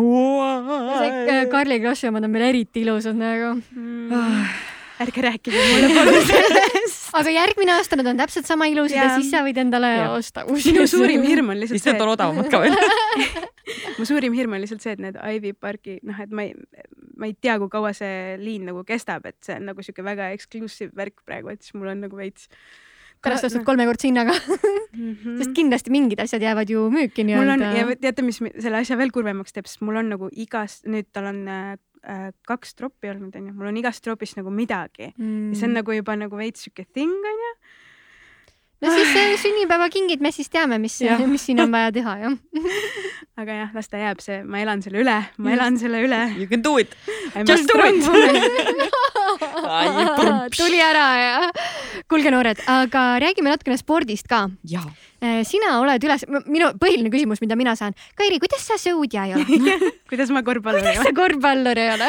räägi meile nüüd natuke sellest. kui lühike ma olen. meil on lühikesi korvpallureid ka kuidas sa nagu dodge isid selle nagu või sul ei surutud peale, et sa peaksid mm,? ei ei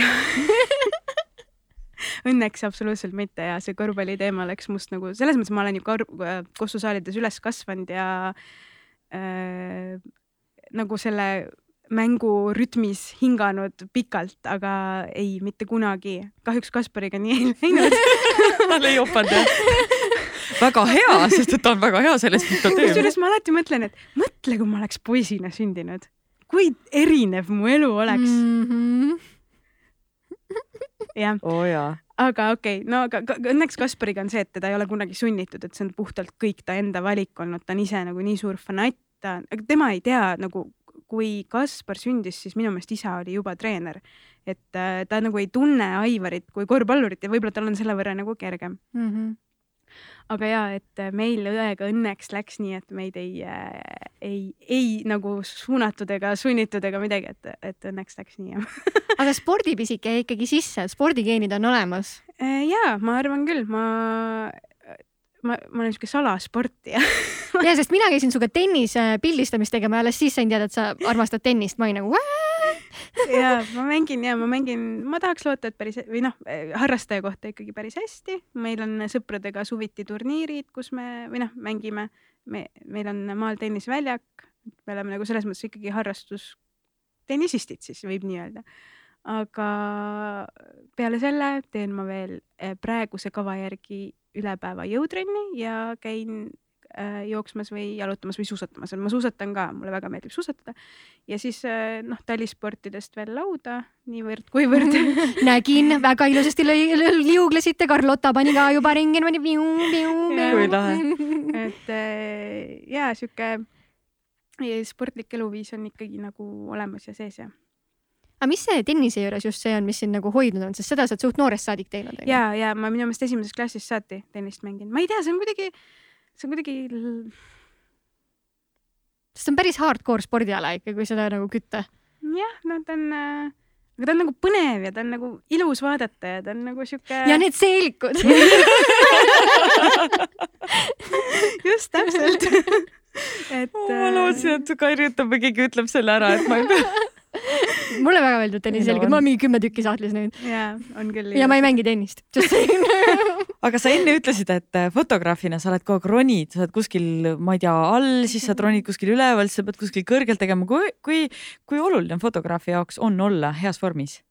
Pika võttepäeva puhul väga oluline, sellepärast et see on ikka füüsiliselt päris nagu hull töö ja kusjuures ma olen tähele pannud küll, et kui on tekkinud perioodid, kus ma ei ole väga intensiivselt võib-olla sporti teinud, siis äh, need sundasendid, mis fotograafil on, need tekitavad tegelikult väga hulle seljavalusid mm, -hmm. äh, väga äh, nagu mm, need randmed, randmed lähevad jumalast läbi ja näiteks arvutiga tööd tehes äh, sõrmed ja need, nagu ma olen vahest tundnud, et mul, mul reaalselt sõrmed surevad ära, kui mul on pikad nagu töötluspäevad, et äh, see on nagu selles mõttes nagu kehale ikkagi nagu mm -hmm. ikka paras koormus. Ja noh, mingi hetk ma tegin hullult nagu joogat sellepärast, et saada nagu seljaprobleemidest ja ja, ja nagu sellistest asjadest nagu lahti, et tegelikult see on nagu ja see on, see on päris nagu ränk.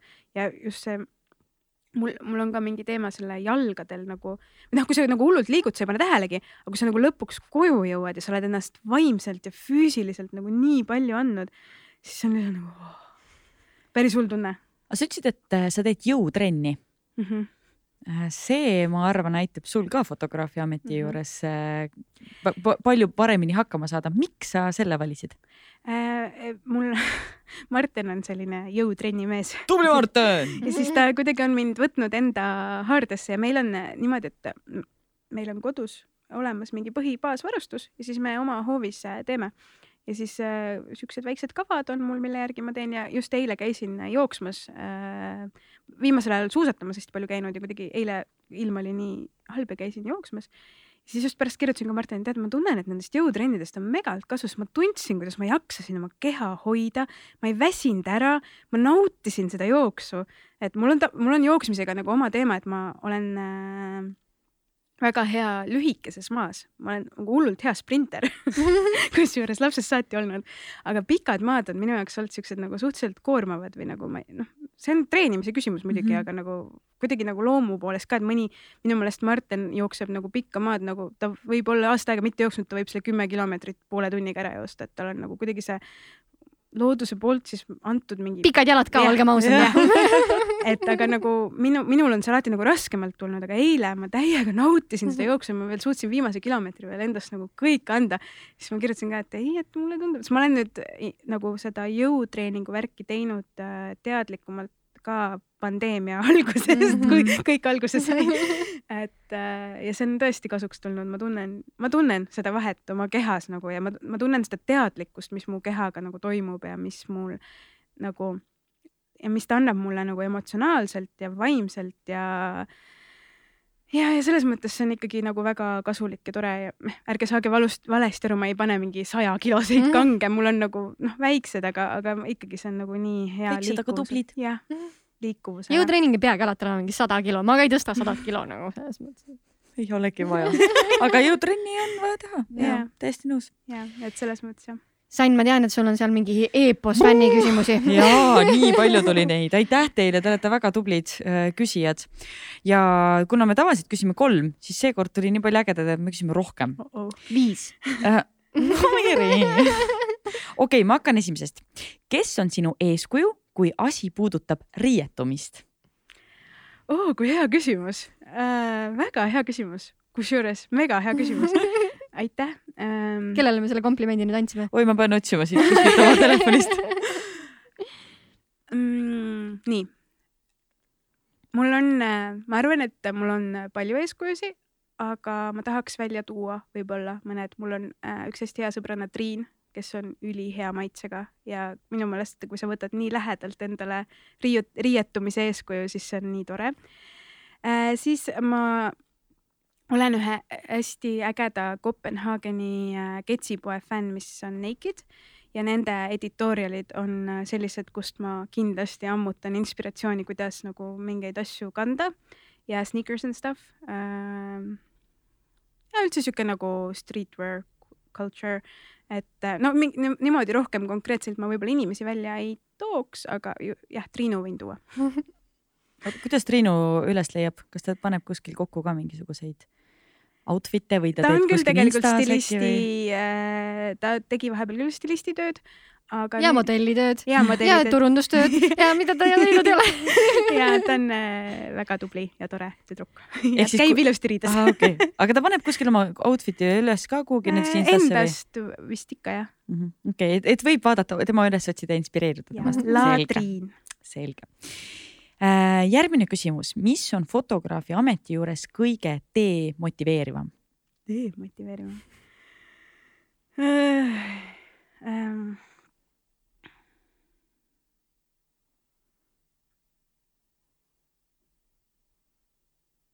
Polegi ja ma just mõtlengi, et kas sellel on. Nadilt ei tee neliteist aastat seda, kui nagu oleks demotiveeriv on ikka neid hetki, kus sa tunned, et oh, enam ei jaksa või enam ei taha või nagu ma arvan, et võib-olla ületöötamise faktor äkki või on sihuke demotiveeriv, et nagu nüüd on nagu liiga palju asju mul ühe korraga ja see tuleneb ka sellest äh, üksi tegemisest ja aja planeerimisest ja nagu siuksest äh, natukene organiseerimisest, eks. aga et see, et sa nagu pead mõnikord raha pärast tegema mingeid asju. sest sul ongi ju mingid perioodid, kus ongi jõulude ajal on nagu hardcore, hardcore, hardcore onju. jah kahjuks nii on kohati. okei okay.. jah, ma arvan, et see on hea, et äh, raha pärast mm, -hmm. kui sa pead midagi tegema raha pärast. aga ma, ma tahaks, et inimesed ei peaks raha pärast asju tegema, vaid südame pärast aga võib-olla on nii, et äh, sa pead selleks, et sa saaksid südamega teha mingisuguseid asju, siis aeg-ajalt ikkagi tuleb teha ka neid asju, mida sa ei taha teha väga targalt tuleb neid asju teha, raha mhm. tuleb kõrvale panna, siis tuleb seda investeerida ja siis ei pea enam raha pärast asju tegema. ma arvan, et me oleme teel sinna äh, minu arust väga äh, hea küsimus, mis on kõige väärtuslikum asi, mida su tütar sulle õpetanud on?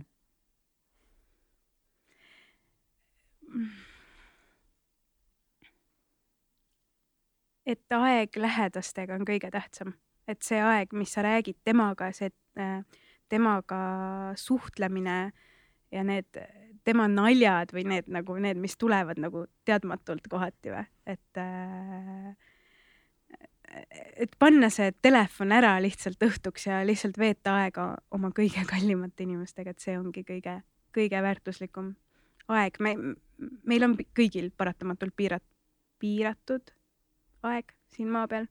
me peaksime kasutama seda väga targalt väga ilus. Ja millised õpetussõnad ütleksid noorele fotograafile? Ehm, tee seda, mis sulle meeldib, harjuta seda. Ehm, julgelt kirjuta mõnele fotograafile, kes sulle meeldib, äkki saad assistendiks. mina sain, mina põhimõtteliselt niimoodi saingi tegelikult äh, nagu võib-olla nagu rohkem tööd, et ma Laural käisin kaasas äh, inspireeru, vaata raamatuid, ajakirju, märgi ära, mis sulle meeldib. jah. et hästi palju sellist äh,, ma ei tea, kas selle kohta võib niimoodi öelda, aga musta tööd, et võib-olla sellist äh, et ongi, et kui sa lähed kellegi juurde, siis sa alustadki nagu nullist põhimõtteliselt mm, -hmm. alustad nagu hästi põhjast ja siis hakkad ennast sealt ise üles ehitama. ja mulle meeldis see oma, justkui nagu oma stiili leidmine mm, -hmm. et mhm. äh, see on ka oluline. ja see on äh, väga oluline, ma arvan, et nagu sellega sa defineerid ennast siin maastikul, mis on niigi viimasel ajal väga tight. kuigi see... praegu on minu arust hästi paljud fotograafid sarnase käekirjaga kuidagi tekkinud nagu mm -hmm. just selle sotsmeedia nagu mõjul on väga palju niimoodi mm, -hmm. et mhm. ma näen, et ma võin põhimõtteliselt vahet pole, ma võin kõik need kolm võtta ja nad teevad mulle samasuguse tonaalsusega asja nagu. jah yeah. mm -hmm., seda on palju jah see on äge, sest et äh, Marju Lõpp, Lepajõe äh, on kunagi öelnud, et igal inimesel peab olema üks asi kindlasti, igal inimesel peab olema stiil. Ja see on nii äge asi, see on nagu tõesti, et, et, et kui palju me mõtleme igapäevaselt selle peale, et mis on minu stiil. Mm, -hmm. et see, see, kuidas seda tõlgendad, see on nagu täitsa teine, see on nagu sinu enda otsa taga, et mis see siis see sinu stiil on. Yeah.. et äh, ja, ja nagu mitte, et mul, mul ei ole selle vastu absoluutselt mitte midagi, et äh, Insta fotograafid on tekkinud ja nad kasutavad neid filtreid ja kõik, aga lihtsalt proovi ikkagi jääda nagu natukene erilisemaks või nagu mõtle sellele, et mis eristab sind teistest, täpselt nagu sa ütlesid mm, -hmm. et miks ma peaksin valima sinu või et äh, ku, kuidas ma saaksin olla kindel, et minu tööd jäävad teiste kuidas nad jäävad teistega võrreldes, kas siis silma või eristuvad, et et see on, see on kusjuures see on ka omaette täiesti teema, sellel, sellel võiks tunde rääkida mm, -hmm. et mhm. mis on nagu fotomaastikul toimunud just selle insta fotograafia ja siukse nagu mm, kiir nagu samamoodi nagu natuke nagu kiirmood on see kohati või et seda toodetakse nii, nii mm -hmm. palju. ma ei ütle, et see on halb, see ei ole kindlasti halb aga see on, äh, see vajab jälle kohanemist. saad ühe küsimuse veel või, või lähme soovituste nurga juurde ähm,? okei okay,, ma küsin, sest ma arvan, et äkki see inimene tahab seda, et see saaks küsitud. mis on kõige halvem kink, mis sulle kunagi tehtud on kas tema on selle kingi teinud ma ei tea. ja sellega on üks naljakas lugu. et see on, ma tean, kellelt see küsimus on tulnud, minu head sõbrad Kristiina ja Raiko sellega on niimoodi, et mul kunagi, kunagi küsiti ühes ähm, mingis paneelis äh,, ma töö juures, ma töötasin kunagi Overellis, see oli väga lahe kogemus, ka sellest me ei jõudnud üldse rääkida, aga see selleks. ja seal küsiti mu käest, mis on kõige halvem kink, mis ma elus saanud olen. ja teate, mul ei tulnud mitte midagi pähe, sest ma, ma vist ei ole saanud halbu kinke. ja mul tuli meelde, kuidas Krissu rääkis, et Raiko kinkis talle sünnipäevaks Fat Burneri ja Martin Müürsepa eluloo raamatu ja siis ma varastasin ta vastuse. Ja siis kõik olid, oo jaa, see pole jah väga tore kink. Nii et tervitused Raikole, kes selle kingi tegi tegelikult. Mis asja, eluluraamatud on jumala hea asi ju. Ja kellele Fat Burner ära ei kulu siis? Lihtsalt mina tean ka Kristiinat ja Raikot ja ma lihtsalt mõtlen, et tõesti, kui Kristiinale kinkida Fat Burner Margu ja Müürsepa eluraamat, siis see tõesti võib, võib-olla läheb natuke mööda. ja Raiko tahtis hirmsalt ise lugeda seda raamatut lihtsalt. Äh, mina mäletan, et minu äh, õe abi, praegune abikaasa kinkis, kinkis esimese asjana talle tee, äh, tee nagu mingisuguse serveerimise komplekti. Ja siis ikka oli ka niimoodi, et what is this? Nagu aitäh. Nagu jah toredad asjad. mulle meeldib, kas sa ütlesid praeguse abikaasa, nagu tal oleks neid mitu okay. ei, vaatamata sellele kohutavale kingile, nad on abielus, nii et tšing-tšing. okei okay,, see raamat veel tõesti, aga noh, burner tõesti väga armas oh,. aga kas me räägime natukene parematest raamatutest? jaa, räägime. meil on äh, kolm soovitust, mida me sinu käest äh, sooviksime saada. Äh, esimese asjana üks asi, mida iga inimene võiks õppida ujumist hmm.. jaa. lapse kõrvalt nähes seda, kui oluline on, et inimene oskaks ujuda. aga ta oskab sul ilusasti, onju? ei vä? ta peab minema siis... trenni. ta on, ta on mul nii ettevaatlik mm. ja ta on meeletult äh, selline ettevaatlik ja arg ja ja näiteks selle lumelauaga ka me, kui me käisime nüüd äh, paar nädalat tagasi Kuutsemäel lumelauda õppimas temaga, siis äh, ta, tal oli instruktor ja siis see instruktor ütles mulle ka, teate, homme ta võiks siit vabalt ise alla tulla mm, -hmm. ta lihtsalt ei julge mm. -hmm. et ta, ta on mul selline nagu hästi-hästi nagu, tal võtab aega mm -hmm. mingite asjadega. nii et äh, ta läheb nüüd kevadest kindlasti. pead talle hästi palju Merineitsi filmi näitama. ja talle väga meeldib. jah, talle väga meeldib. aga jah, meil on maal meri lähedal ka, nii et see on ülioluline, et ta õpiks ujuma mm. -hmm. nii, üks asi, mida iga inimene võiks proovida ma arvan, et iga inimene võiks proovida oma elus kunagi näiteks äh, kas lumelaua või suuskadega mäest alla tulla, see tunne on lihtsalt nagu imeline. eriti kui Nõus. sa oled kuskil äh, Slovakkias või Austrias ja need, need laskumised on nii pikad ja nauditavad, et siis. Äh, ja pehme puuder kuskil. jah, jah et.... või vastupidi, liustiku peal, kus ei ole mitte ühtegi mugulit või mogulit üleval, vaid sellised nagu ja iga inimene võiks proovida oma elus korra tennist mängida, see on hmm. ka lahe sportlikud asjad no., väga hea ma proovisin, kõik teavad, et ma ei oska tennist mängida, see video on viraalseks läinud. ükspuha, kuhu ma lähen, siis kõik on nakari, kes sul tennisega lood on. nii, nii., viimane soovitus. ja üks teos, mida iga inimene võiks tarbida. Mm, ma väga soovitaks praegu vaadata Netflixis seda Pretend it's a city, see on Martin Skor-, Scorsese mm. -hmm jah, tehtud mm. -hmm. Fran Lipovitšist, väga lahe naine, väga nagu, ma olen ise ka poole peal, aga juba need esimesed episoodid on nii inspireerivad olnud, ma ei tea, olete vaadanud seda? ei, ma tean, mida ma täna ratta peal vaatan äh, see Netflixi raamat on äh, väga ma, selles mõttes ta on äh, hea lugemine, et äh, ma ei ütle, et ma kõigega nõustun, seal on natuke sellist äh, Ameerik-, ameerikalikku võib-olla sellist nagu seda happy vibes'i, mis võib-olla mõnikord minust läheb natuke mööda, aga, aga see on nagu selles mõttes, seal on väga palju õpetlikke asju, mida võib-olla iga ettevõtja võiks äh, lihtsalt kasvõi teada. ja teate, mida ma veel soovitaks? noh? Genka uut albumit, Oleg hmm.. ma ei olegi kuulanud. ülihea. täiega peaks panema peale. ülihea. nii et Thanks for that. Davai, pakime kokku ja paneme play kõlab hästi aitäh, Keter, et sa meile külla tulid. aitäh, et kutsusite. tõesti suur,, suur-suur aitäh. ja aitäh, vaatajad-kuulajad ja järgmise podcastini. sportland, Be First podcast